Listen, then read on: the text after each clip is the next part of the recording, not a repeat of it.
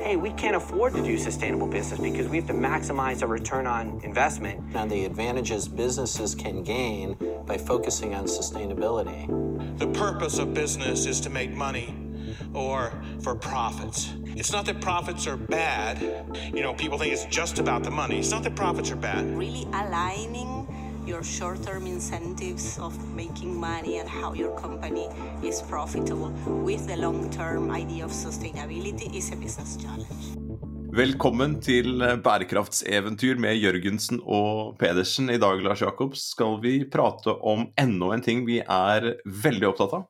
Et tema og et spørsmål som har fulgt oss eh, så lenge vi har jobba sammen, helt klart og som dukka opp igjen eh, nær sagt ukentlig i, eh, i, en eller annen form. Og, og, Denne uka ville det seg slik at det var en journalist som skulle stille spørsmålet. og Han innleda jo også i dette intervjuet med at det her er vel et spørsmål dere får ofte, men bærekraft og lønnsomhet, går det i hop egentlig? Og Det var temaet for uh, denne episoden. Det var et spennende intervju, det. Og han, han dro opp en, en, rekke myter han, som han uh, ønsket at vi enten skulle bekrefte eller avkrefte. Det var uh, sånne ting som dette her bare gjaldt store bedrifter kontra små, hvordan dette her var i utlandet kontra Norge, om dette her var i alle typer bransjer. Og, og, og sånn type, sånne type spørsmål Jakob, det setter i gang mye tankevirksomhet selv hos oss. Og jeg får nesten lyst til å trekke en liten metarefleksjon til en annen podkast jeg satt og hørte på i går. Eh, amerikanske Econ Talk, som hadde en gjest som heter Branko Milanovic. Og Han har fått mye vind i seila i det siste etter han gikk ut og kritiserte Nobelpriskomiteen i økonomi eh, for å gi Nobelprisen, sa han, til, til tema som er små, men mulige å studere perfekt og gi veldig gode svar på. Og så sa han egentlig i økonomifaget burde vi jo ønske oss heller enn perfekte svar på mindre spørsmål, så burde vi ønske oss uperfekte svar på de store spørsmålene. Eh, og jeg trekker eh, den parallellen her nettopp fordi at dette spørsmålet som vi skal diskutere i denne episoden, det er jo klart at det er helt umulig å gi et definitivt svar på det at ja, bærekraft fører til lønnsomhet, eller nei, bærekraft er på kollisjonskurs med lønnsomhet. Det, det er helt åpenbart at, at spørsmålet sin, sin, grunnleggende natur er av en sånn karakter at sagt, vi, her må vi gi mange versjoner av svaret, vi må se på mange fasetter av svaret. fordi at her vil det nær sagt avhenge av så mange ting. Ja, hva mener du med bærekraft, og hvordan måler du det? Ja, Lønnsomhet kan du spørre det samme om. I, lønnsomhet i, i hvilken forstand og i lys av, av hva? Eh, I tillegg eh, hva med på tvers av land, over tid, eh, fra bransje til bransje. Altså Her er det jo så mange hvis og om og men at det er klart at for, for, å i det hele tatt kunne begynne å svare på dette spørsmålet, så må vi begynne å nøste et sted og, og, og, og, jobbe oss derfra. Men her er det jo masse forskning som er gjort, det skal vi helt sikkert komme litt inn på. Her er det massevis av ting som skjer i praktikerfeltet, fra bedriftene til investorene og, og fram og tilbake. Eh, så her er det mange ting å ta tak i. Sven. Jo, noe er bærekraftig og lønnsomt i det tilfellet du gjør noe da, som per definisjon er bærekraftig, som en bedrift, og så fører det til eh, høyere inntekter, større volum eller lavere kostnader. Det er jo en veldig sånn der, eh, grei, kortsiktig eh, forklaring på det. Og så kan man trekke det litt sånn lenger fram i tid òg, og si at jo, hvis det kan føre til et bedre omdømme f.eks. Uh, over tid, så kan jo det ha en positiv effekt. Um, og så kan man si at uh, hvis det kan redusere risiko over tid, så kan det også ha en, en god effekt på, på, på, ulike vis. Og så er det en evig diskusjon. Skal man da ta lønnsomhet opp mot bare kunder, eller gjelder det også medarbeidere f.eks. Eh, kan bærekraftstiltak i en virksomhet gjøre at du kan tiltrekke deg den beste arbeidskraften, og de blir hos deg lenge og er villige til å, å lære seg nye ting og, og, og, jobbe hardt for virksomheten, ja, så kan jo det være positivt. Kan det tiltrekke deg investorer som ellers ikke ville investert i virksomheten? Eh, hva, med, hva, med, gjeld? Er det mindre risiko å gå i en bærekraftig retning, sånn at du kan få en lavere, lavere rente på, på gjelda di? Eh, hva med alle disse faktorene som ligger rundt? Altså, så selvfølgelig, det kundemøtet, dette magiske kundemøtet å komme der med disse gulrøttene som er fram eh, er, er produsert og frakta og distribuert da, til deg som kunde på en sånn måte at det har et lavt fotavtrykk. Uh, ja, Hvis det har en ekstra verdi for deg, sånn at du er villig til å betale for det som kunde, selvfølgelig er det, er det bra. Men som vi har vært inne på her allerede, Lars Jakob, så er det lønnsomheten. Hva er lønnsomhet, spurte du i stad. Det har jo mange fasetter. og Det å bare tenke at det er bare kundemøtet som er avgjørende for en bedrifts lønnsomhet, det er jo én sånn felle å gå i her. Ja, og, og du, du snakker på en måte om fire veier til, til lønnsomhet. du der, og, og jeg hørte jo mellom linjene at, at, disse fire veiene du refererte til, de er jo tatt fra, fra en mye omtalt bok som heter 'Green to Gold' av Daniel Esty og Andrew Winston, som kom i 2009. Og så sa du at her er det noen oppside- og nedsideeffekter på kort og på lang sikt. Ja, det blitt til sammen fire veier da, på et vis. Eh, hvor du kan se for deg at du kan hente, som det heter i undertittelen til den eh, boka, Uh, how smart companies use environmental strategy to innovate, create value and build competitive advantage. Og som du sier, så er det mange Eh, kanaler det kan gå gjennom, en slik type effekt. Det er mange mekanismer du kan, kan, sagt, eh, kan spille på der. Og, og, som du sier, alle går ikke gjennom kunden. Her er det ting som skjer i faktormarkeder. Hvor henter du eh, ansatte fra? Hvor henter du kapital fra? Andre typer ressursmessige spørsmål. Og, så er det selvfølgelig disse tingene som, som går ut mot, mot, kunden. Enten det er et prispremium, det er mer lojale kunder, eh, eller det at du på ulike måter kan lykkes med å, å redusere kostnadene dine eh, på måter som gjør at du da klarer å hente mer lønnsomhet eh, ut av de transaksjonene som, som, du, som du, har ut, ut, mot kundene dine. Så, så, her er det jo noen ulike veier en kan, kan, kan, kan, diskutere, og det vil vi helt sikkert komme tilbake igjen til. Men hvis vi skal tenke på dette i en sånn tidslinjelogikk, av mangel av et bedre uttrykk, så er det klart at denne myten som denne journalisten løfta opp til oss, da så starta han med spørsmålet ja, er det sånn at bærekraft og lønnsomhet alltid er på kollisjonskurs. Og, og det, var jo, det, var jo, liksom der eh, det var jo der vi var i veldig mange år. Denne ideen om at Eh, at disse tingene nødvendigvis måtte være en kostnad. Du må gjerne bli grønnere, du må gjerne ta bedre vare på ansatte. Eh, det vil alltid bare være en kostnad. Og, og selv om Milton Friedman sitt klassiske perspektiv har nok blitt litt vel overforenkla og fordreid over tid, men, men, det ligger jo i denne klassiske shareholder-perspektivet at du skal ikke drive og gjøre ting som som ikke er enten lovpålagt eh, eller som du veldig tydelig kan argumentere et business case for. Ja, da, og, og, da lå jo det implisitt i dette perspektivet at, at uh, å bli mer bærekraftig, det vil stort sett bare medføre kostnader for virksomheten. og, og og, og, Det viste seg å være en, en seigliva oppfatning som, som varte lenge. Og så kan du si at I nyere tid nå da, med, med SDG-er og ESG-aksjer og liksom all den vinden i seilene som bærekraftig business har fått de siste åra, så har det kanskje nesten dukka opp en sånn kontramyte. Altså, eh, som kanskje ikke er like sterk som den, som den gamle bærekraft og lønnsomhet er på kollisjonskurs, men der er kanskje mange i dag som tar posisjon at, at bærekraft er, ja, for å si det veldig karikert, da. bare bli grønn, så blir du lønnsom. Det er veien til lønnsomhet i fremtiden. Og det er vel kanskje en like overforenklende og, og farlig måte å se på denne sammenhengen på. Absolutt, og for noen så er jo det helt, helt sant. Altså, særlig hvis, kan, hvis det er uh, muligheter til en enten lavthengende frukt, at man begynner å kommunisere noe man allerede har gjort på en, på en litt bedre måte, eller at man reduserer uh, vannforbruk i produksjon av noe, samtidig som vann er en høy kostnad for deg, eller at du klarer å og, og tilpasse produktet og skape disse magiske kundemøtene med et stort nok antall kunder som er villige til å handle hos deg, eh, eller at det er lavere risiko på den måten å, å, å drive grønt på, da, eller breiere fortalt eh, bærekraftig. Men på den andre siden så, så kan det jo hende at det er kostnader involvert med å måtte gå fra eh, sette litt på spissen, gå fra barnearbeid til voksenarbeid i verdikjeden eller at, eh, at du må uh, finne andre måter å, å, sende varer fra ene delen av verden til den andre. At, at det koster mer å bytte ut ingredienser i hva nå det enn måtte være, fra noe som har en brunere profil til en, til en, grønnere profil. Jeg tror det er mange som vil oppleve det at at det koster å bygge litt høyere pipe og sette renseanlegg på den, og slutte å, å velte eh, vann fra fabrikken ut i elva bak der. Det trenger ikke å være ulovlig. Det trenger ikke å være, eh, altså, trenger ikke å være juridisk, eh, noen, noen, juridiske utfordringer. Det kan jo rett og slett bare være at du, du opplever at det ikke er det beste valget å gjøre. Eh, og da og da ta den type bærekraftig grønne, grønne valg, det, det, vil jo medføre en eh, potensielt høyere, høyere, kostnad. Og Da er det jo vanskelig å stå på den der kassa i gågata og rope ut 'bare bli grønn, bare bli bærekraftig', så, så blir det jo også lønnsomt. Det, eh, det kan være forbanna vanskelig.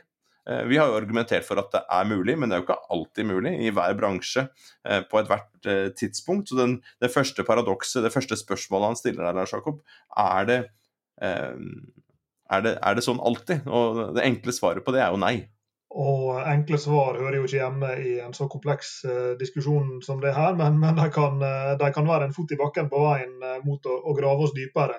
Og jeg tror jo en ting um, som du har snakka mye om i det siste i, i samtalene våre, det er at vi er nødt til å se veldig forskjellig på fortida og på framtida. Og, og, med det mener jeg at det er en risiko knytta til å trekke slutninger om framtida på bakgrunn av data og innsikt som er generert i fortid. Altså Når vi ser på sammenhengen for eksempel, da, mellom bærekraft og lønnsomhet fra 1970 til 1980, fra 1980 til 1990, fra 1990 til ja, du skjønner poenget, eh, så vil hver av de tiåra kanskje ikke ha vært gode prediktorer for tiåret som kom etterpå. fordi at dette her er jo nettopp et dynamisk felt hvor Reguleringer kommer til å endre seg. Eh, kundepreferanser eh, endrer seg selvfølgelig over tid. En, en, eh, det, det, er ting en, en, slutter å akseptere, det er ting en begynner å ønske seg som er annerledes. Som kan være enten det er mindre barnearbeid eller det er mer miljøvennlig mat, kortreist mat, hva vet jeg.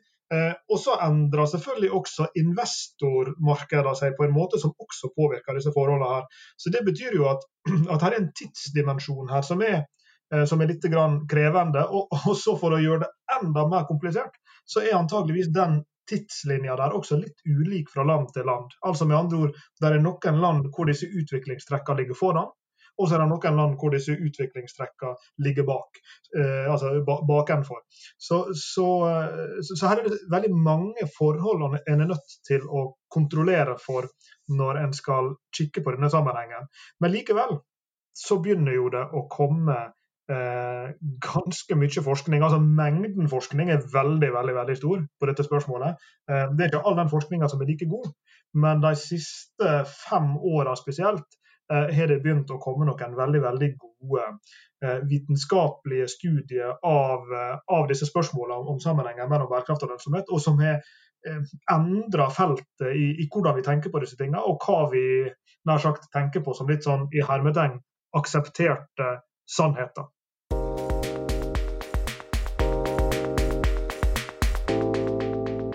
Du nevnte noen, noen faktorer som endra seg. Jeg tror du var inne på reguleringer, kundepreferanser og investorer. Og så var det én som, som, ikke ble tatt med der, eh, og det var teknologi. Altså, og de teknologiske endringene som skjer rundt her, enten det er rein tech, altså sånne der, eh, nye duppeditter og, og rensesystemer og, og, hva nå det enn måtte være, uh, så er vi opptatt av en annen form for, for teknologi. Og altså, jeg tenker sånn kunnskap rundt forretningsmodeller. Eh, som også er en, sånn der, en, en, idé som driver og vokser frem, at det går an å få levert eh, ting av verdi til folk på, på nye måter. Og vi har vært inne på det i flere episoder allerede, og vi kommer til å snakke om det i, i mange mange, mange flere episoder fremover. Eh, enkle ting, eh, et eksempel bare for å hekte det på noe, musikken da, som, vi, som vi er glad i. Med, med at, at, at, dette her blir strømmet Eh, gjennom mobilen, framfor det å eie disse lagringsmediene eh, sjøl, i form av plater eller CD-er eller hva det er for noe. Altså at, at man får tilgang til eh, produkter av, som tjeneste f.eks., men også rundt det så ligger jo nye forretningsmodeller. Vi har jo sett der hvor bedrifter har, har slitt med å selge, selge resirkulerte dekk helt til de valgte å holde kjeft om det og bare garanterte at, at uh, trailersjåførene hadde velfungerende dekk til enhver tid, så, så, slapp jo de som skulle gjøre innkjøpet å bekymre seg for at, at, her var det investert så mye bærekraftsdimensjon av disse dekkene at uh, det ville gå utover kvaliteten på dekket sånn ellers. Så, så, og dette her endrer seg jo også. Det endrer seg jo da med små apper f.eks. Som, som Too Good To Go som driver og vokser frem, som gjør at det blir eh, Skal man hindre noe av matavfallet i restauranter og kafeer og sånn, ved at folk kan eh, vite hvor det er igjen mat, og kan få kjøpt det til en, til en rimeligere penge for at, i, i, fremfor at dette her skal bli kasta. Så hvis man ser seg i bakspeilet, der hvor du begynte resonnementet i sted, Jakob, og bare ser på fortid, hva slags type energi har det vært? Hva slags type teknologi har det vært? Hva slags type reguleringer som du var inne på? Hva tenkte folk egentlig, og hvilke forventninger var det de hadde? Og så er det jo spennende, da, når vi skal gå framover her. Um, hvem var det som skjønte at meet metoo plutselig skulle bli et, eh, et, fenomen som alle bedrifter var nødt til å forholde seg til. Det var ikke så mange som så covid heller som et bærekraftsproblem som kom til å gripe inn i lønnsomheten til svært mange virksomheter. Noen vil jo, vil jo en sånn endring ha en veldig negativ eh, side, men for andre så vil det være store muligheter. Bare se på aksjekursen til, til Zoom eller, eller, andre som tilbyr nettmøter og sånne ting. Så, så disse endringene som ligger rundt her er jo også veldig viktige, og, og særlig for de som som sitter der og har ansvaret da, for strategien og økonomien. Som både skal lage powerpointene og Excel-skjemaene eh, og investeringsbudsjettene og se hva er det som kommer til å røre seg framover, og hvilke typer bærekraftstiltak er det som vil bli verdsatt positivt da, i markedet. Og Det har jo tjent oss veldig godt å ha et forretningsmodellperspektiv på bærekraft. Det, det låste opp noen dører for oss når vi begynte å jobbe på den måten eh, for lenge siden. Um, og, og, det er litt artig å se eh, at eh, i målinger og, og altså, standardsett og, og, måleverktøy for bærekraft, eh, så begynner jo faktisk forretningsmodellinnovasjon, som du nå snakker om, det begynner å tatt, bli tatt inn som eh, en faktor i de sammenhengene. Og Da har jeg lyst til å gjøre et lite sprang her til det som er blitt kjent som SASB. Det er en forkortelse SASB for The Sustainability Accounting Standards Board. Eh, og Det er en amerikansk stiftelse som har modellert seg etter den litt mer kjente FASB, altså Financial Accounting Standards Board. Det er de som lager finansregnskapsstandardene, som, som vi kjenner godt. Eh, og, og Der var altså denne stiftelsen som, som ønska å gjøre det samme for bærekraft. Hva om vi hadde et målings- og rapporteringssystem som standardiserte bærekraftsfeltet på samme måten som eh, har blitt gjort for finansregnskap, var liksom utgangspunktet. Eh, og Dette har jo blitt veldig eh, eh utbredt og, og, fått veldig mye oppmerksomhet de siste åra, dette SESPI-rammeverket. Bl.a. fordi at investorer verdsetter at rammeverket der skiller mellom de bærekraftsforholdene som er eh, eh, nær sagt relevante for investorer å ta hensyn til, altså såkalte vesentlige bærekraftsforhold. Eh, for det er vel 77 forskjellige bransjer i ti forskjellige sektorer, tror jeg, så har de et sånt standardsett. Og Det som er interessant der, er at i tillegg til alle disse klassiske bærekrafts indikatorene knytta til eh, biodiversitet og CO2-utslipp og, og, you name it, så er det en egen kategori for forretningsmodellinnovasjon, som du var inne på. Altså hvilke av disse bransjene er det en vil måtte forvente at bedriftene må ruste seg for betydelige forretningsmodellinnovasjoner. Og Der er jo da retail-bransjen et eksempel. Vi står overfor en potensiell sånn retail-død. Eh, hvor ting flyttes over på nett og det blir andre både kjøps- og distribusjons- og forbruksformer. Ja, da putter det altså det inn i liksom denne ESG-sekken, her, environmental, social og governance-forhold av relevans fra et investorperspektiv. Så det blir på en måte putta inn sammen med bærekraftsforholdene. Og, og det er jo helt, uh, helt i, i, vår ånd og i tråd med, med, med, vår tenkning og vårt uh, arbeid på dette feltet. Og jeg bringer jo inn SASPI her, og disse standardene Sveinung, av en grunn som, som du har forstått for lengst.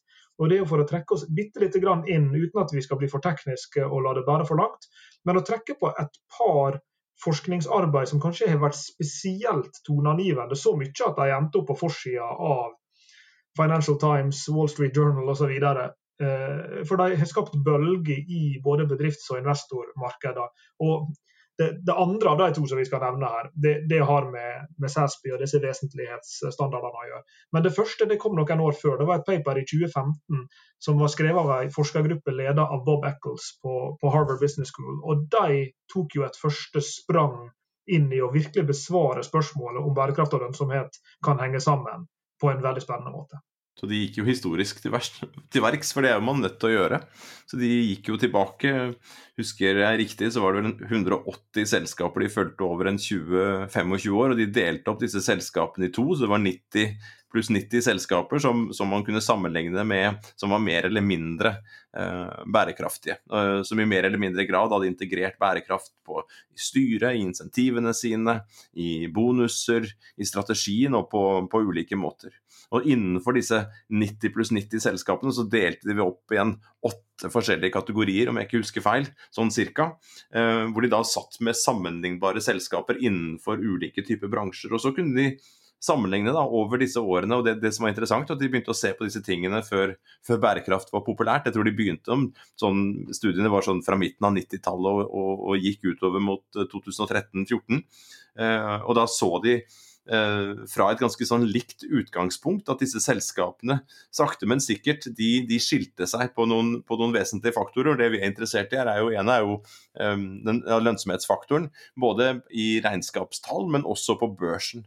Så disse selskapene som var noe mer Eh, bærekraftig, eller mer bærekraftig enn en de andre, de hadde da et høyere, høyere, høyere, lønnsomhet over tid enn de sammenlignbare eh, spørsmålene. Nei, unnskyld, sammenlignbare uh, selskapene. Uh, og så gikk det jo videre, ikke bare de, men andre forskere også så ok, hvilke faktorer er det som bestemmer det? For Én ting er at disse Eccles og, og, og hans kollegaer gikk inn og så på dette, om det lå inne på styrenivå i strategien uh, og, og, sånne ting. Men så begynte jeg å, lure på da, hvilke faktorer innenfor dette her, uh, miljømessige, sosiale og governance, ESG-faktorene, var det som, som, som, virkelig styrte dette her. Og når du går tilbake da og ser eh, på disse ulike bransjene, på disse ulike selskapene, så ser man at det er ulike ting som skiller seg ut i ulike bransjer. Eh, Knytta til vann, klimautslipp, eh, de, hvordan, man, hvordan, man, behandler folk i, i verdikjeden sin, eh, hvordan ting er eh, strukturert eller organisert i virksomheten. Så ser man at det, det er jo ikke alt som er like viktig i alle bransjer eller innenfor bransjer igjen også, så er det ulike typer eh, sektorer innenfor hver bransje også, så de ser eh, store forskjeller mellom. Og her er jo, eh, som med enhver forskningsstudie, til og med en av dette kaliberet som er publisert på det absolutt høyeste nivået i, i forskningslitteraturen sitt hierarki, og, og, er gjort på så elegante måter, så er det, er det selvfølgelig ting du kan kritisere. Her er det utelukkende amerikanske selskap. Utelukkende for en gitt periode. Ja, 180 er ganske mange, men det er tross alt bare 180. Eh, og så Eh, men de, de, gjør en veldig god jobb med å kontrollere for en del av de tingene du skulle ønske deg at de gjorde. og sånt, Så det, det er virkelig en, en stilstudie i, i, eh, i, i, god forskning på, på, dette spørsmålet. Men det som du hinter til her, er jo at denne gjengen så jo at det gikk an å gå videre. og Det var en av forfatterne av dette uh, paperet, faktisk George Sarafheim, som var en av protesjeene til, til, Bob Eccles på den tida, som tok dette ett skritt videre. og Han har jo jobba tett sammen med Sasby uh, knytta til deres sitt eget arbeid med utviklinga av disse bærekraftsstandardene og analysene rundt dem. Så han hadde begynt å snuse på dette spørsmålet knytta til det som vi altså kaller vesentlighet, eller materiality. Det som du er inne på. Hvilke av disse bærekrafts forholdene er det som det virkelig lønner seg å Eller rettere sagt, hvilke av disse bærekraftsforholdene er det eh, er slik at forbedringer i fotavtrykk vil være forenlig med lønnsomhet, eller til og med kunne drive lønnsomhet. Fordi at det vil ikke være likt på tvers av alle mulige slags tiltak, var Sarafheim sitt poeng. Så Sammen med et par kollegaer på Harvard så, så gravde han videre. og Det han gjorde, det var at han begynte å stykke opp selskap, og dette er en ganske omfattende jobb for de som er kjent med sånn type eh, forskning, så begynte de altså å håndmappe ja, hva er det hver av bedriftene som vi har data på i en gitt periode, egentlig gjør. Hvilke typer bærekraftsforbedringer gjør de? Eh, hvor bra har det blitt eh, gjort? Hvor mye, altså de, setter seg ned og, og, på ulike måter mapper det her. Og så kunne de da bryte opp i, eh, i noen grupper, hvor de da deler egentlig inn i fire grupper. De deler inn i henholdsvis selskap som verken gjør forbedringer for såkalte vesentlige hensyn eller ikke-vesentlige hensyn, det høres jo dystert ut, eh, så de som eh, gjør forbedringer både på vesentlige og uvesentlige hensyn, altså de smører ressursene sine litt sånn tynt utover og gjør litt av alt mulig.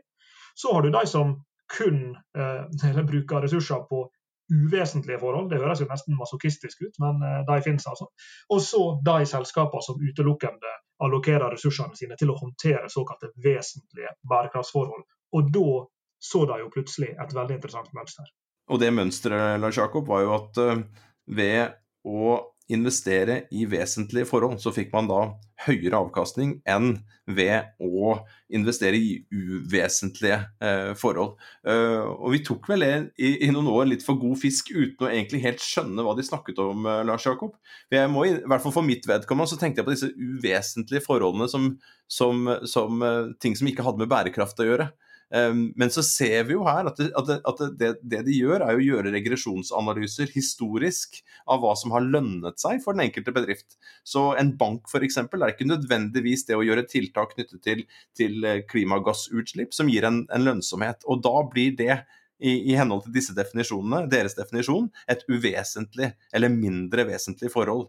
Og Da begynner vi å få noen utfordringer her. og Da begynner vi der hvor vi, eller unnskyld, da er vi tilbake der vi startet, med spørsmålet bærekraft og lønnsomhet. Hvordan definere lønnsomhet, og hvordan definere bærekraft. For er det virkelig et bærekraftstil... En, eller for å si det på en annen måte, er det virkelig en bærekraftig forretningsmodell eller bærekraftig virksomhet hvis de ikke har tatt hensyn til, til de forholdene som, som, har en negativ effekt på miljø og på, og på, på samfunnet og på vår felles økonomi. Og der er jo noe av det dette vesentlighetstemaet sin, sin sånn store kontrovers om dagen. Dette fikk vi faktisk i går eh, antatt en kronikk i, i Finansavisen om, så vi kommer i, i, i innspillingsøyeblikket så er ikke han publisert ennå, men det vil han bli. Og jeg har en liten feeling om at vi vil komme til å vie en hel episode nettopp til dette temaet vesentlighet, fordi at det bærer så langt. Så her, her rekker vi jo bare å skrape litt i overflaten av det. Men her er jo du inne på noe veldig viktig, nemlig dette spørsmålet om ja, hva er det vi egentlig mener. da?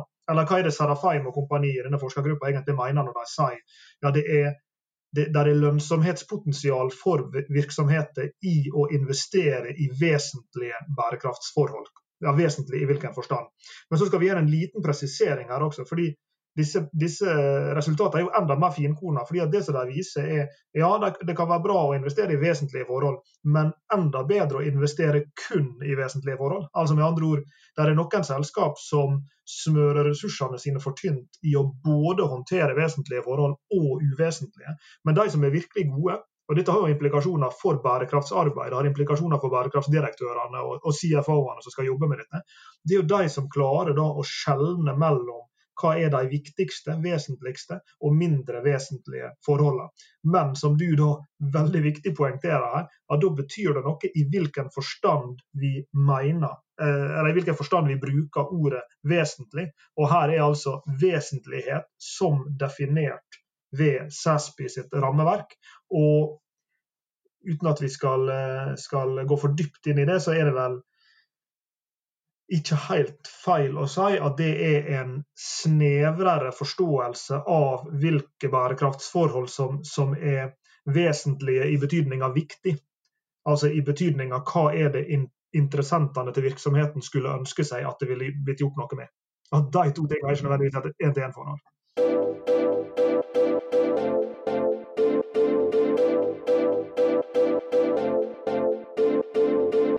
Dette er det heldigvis eh, flere enn oss som er opptatt av. Og jeg hører, hører, at vi skal inn på dette her i en ny eh, episode ganske snart, uh, Lars Jakob. For dette spørsmålet om vesentlighet, definisjonen av det, vesentlige og uvesentlige forhold, og SASPI og, og, den andre organisasjonen, GRI, som ofte blir brukt deres, deres, rammeverk blir ofte brukt når bedrifter skal rapportere disse ulike ESG-tiltakene sine. De har to forskjellige syn på hva som er viktig. Hvor SASPI eh, har et veldig økonomisk syn på det, perspektiv på det, så har GRI et breiere perspektiv på det, som omhandler mer bærekraft i en eh, kall det tradisjonell eh, forstand. Og disse to organisasjonene nå, det kan vi prate mye mer om eh, siden, de driver nå og ser på hvordan er det vi kan koordinere disse perspektivene på, på vesentlighet, sånn at vi snakker om det riktig, sånn at vi alle sammen, og det er jo ikke bare disse organisasjonene, men de bedriftene som har lyst til og ønsker å integrere bærekraft i forretningsmodellene sine, skjønner hvilke tiltak de bør gjøre, og, og, hvorfor. Og når vi var inne på dette med fortid og fremtid, eh, ja, én ting er historisk, men hva framover? Hvordan vil det endre seg reguleringene? Hvordan vil det endre seg kundepreferansene? Eh, hvilke nye teknologier er det som, eh, som, kommer? Hva er det som vil røre seg framover, som gjør at det vi ikke tenkte på som vesentlig i, i, i fjor, si CO2 eh, utslipp for, en, for en bank. Nei, i henhold til SASPY eh, fram til i dag så er ikke det så veldig viktig. Altså Det er en uvesentlig faktor. Eh, og, hvis jeg forstår det rett, så er det fordi de har gjort historiske analyser og sett at de bedriftene, bankene som har gjort investeringer der, de har ikke fått høstet en økonomisk avkastning av det. Men det betyr jo ikke at banker som har gjort den type tiltak, kan ha hatt en veldig positiv effekt på, på klima. Og, så, og, så, så, men dette her er det ikke bare vi som er opptatt av Lars Jakob. Her er det flere som begynner å si at vet du hva, hvis vi skal ta bærekraft på alvor og, og, og se det i øynene at vi har et bærekraftsproblem i dag, vi klarer ikke å dekke alles behov i dag. Og de behovene vi dekker i dag, det gjør vi faktisk på en sånn måte at det går utover fremtidige generasjoners mulighet til å dekke sine behov. Folkens, her er vi nødt til å gjøre noe. Da nytter det ikke å løpe rundt med et, et, et, vesentlighetsbegrep, en vesentlighetsforståelse, som kun er knyttet til økonomiske. Samtidig så kan vi ikke kaste alt det økonomiske på båten eller, eh, eller over bords, eller hva det heter, eh, og, og, tenke at vi bare skal ta hensyn eh, til det andre. For en bedrift så er jo det mange hensyn som skal balanseres her. Det er jo vanskelig å si um, hvilke tiltak som er viktige akkurat i dag. Det er jo ikke så lenge siden vi tenkte i Norge at, og tok det for gitt at, at vindkraft på land ja, det er jo absolutt innafor. Og i det øyeblikket du henter strøm fra, fra vindkraft f.eks., så vil det være viktig, og det vil kunne bli belønnet i, i, markedet på ulike måter av det. Og så ser vi at dette her vokser frem litt og litt. Nei, dette her går jo, det bygges jo i, i myrområder. Så CO2-utslippene er jo mye større, eller klimautslippene er jo mye større enn en det ville vært hvis de aldri ble bygget. Det går utover sånn. Eh, folks ve og vel osv. osv. osv. Disse tingene endrer seg. og Det sier jo litt om utfordringen fram i tid da, for de som ønsker å, å designe og implementere bærekraftige og lønnsomme forretningsmodeller. Det er at de er nødt til å ha en ta pulsen på både kunder og, og, og, investorer, banker, myndigheter, ulike folk som skriver i avisen, politikerne. altså De, de er nødt til å, å, å forstå nå, nåtiden, og så er de også nødt til å prøve å, å, ha et langt blikk fremover og se hva er det som kommer til å røre seg fremover, og, og er det en plass for oss og vår måte å drive business på i framtiden. Og vi har jo bygd eh, karrieren vår Sveinung, på en, en, forutsetning eller antagelse eller forventning eller hva det hva du vil, om at fremtiden vil komme til å kreve tilpasninger og endringer i forretningsmodeller, kanskje til og med radikale innovasjoner i forretningsmodeller, som gjør at de er rusta for en fremtid som kommer til å se annerledes ut enn en, eh, en dagen i dag og, og dagen i går med hensyn til disse kundepreferansene, disse investorkravene, disse regulatoriske grepene osv. osv. Eh, og, og sånn sett så er det jo en sånn dobbelthet i kommunikasjonen vår i denne, eh, denne, episoden. og Det er fordi at vi snakker om to, ikke to forskjellige ting, men, men det vi egentlig sier er jo litt sånn For å dra en litt uh, en parallell som kanskje ikke er veldig god. da, at um, det er ikke sikkert det er lett å finne ut forskningsmessig at å være grei med, med kona di er bra for eh, ekteskapet på, på lang sikt, men, men, det kan jo være gode grunner til å, å gjøre, gjøre, det likevel.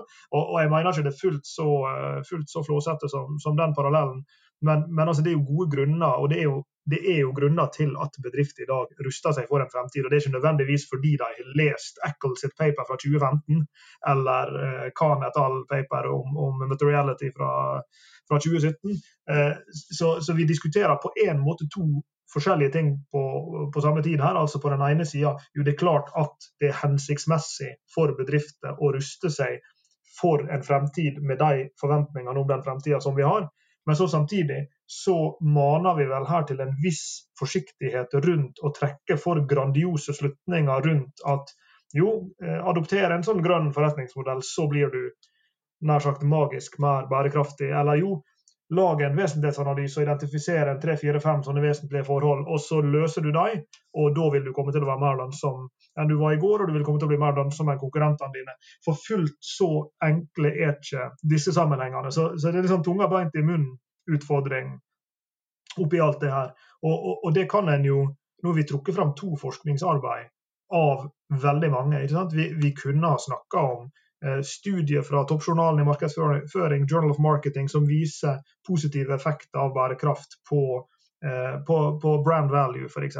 Vi kunne ha sett på de utmerka forskningsarbeidene til, til, Caroline Flammer fra, fra Boston University, som, som finner interessante, positive sammenhenger mellom eh, selskap som stemmer for bærekraftstiltak på, i generalforsamlinga, og sammenligner dem med sammenlignbare selskap som ikke gjør det. Og så finner de at jo, dette har faktisk eh, fordelaktige businessrelaterte effekter for disse selskapene. Vi kunne ha sett på finanslitteraturen, som etter hvert begynner å vokse seg stor som et fjell på, på studier av sammenhengen mellom Eh, mellom bærekraft og, og, og, og lønnsomhet i, i selskap på kryss og tvers av bransjer. Og Noen konkluderer med at jo, her finner vi en liten alfa. Her er det en liten fordel i disse grønne aksjene, disse ESG-aksjene. Men så er det andre forskere som finner at nei, for hvis vi kontrollerer for sånn og ser på slik, så, så viser det seg at disse sammenhengene ikke er så sterke som vi trodde de var likevel. Og den ambivalensen og usikkerheten og det lille sånne intellektuelle kaoset, det tror vi vel på sett og vis at vi vil måtte leve med i, eh, på dette feltet og rundt dette spørsmålet. og Derfor så vil jo sikkert journalistene spørre oss også om ti år. Ja, hvordan var det nå igjen, det der med bærekraft og lønnsomhet? Og da kommer vi vel til å si også om ti år, Lars Jakob, eh, vel, på den ene siden og den andre siden.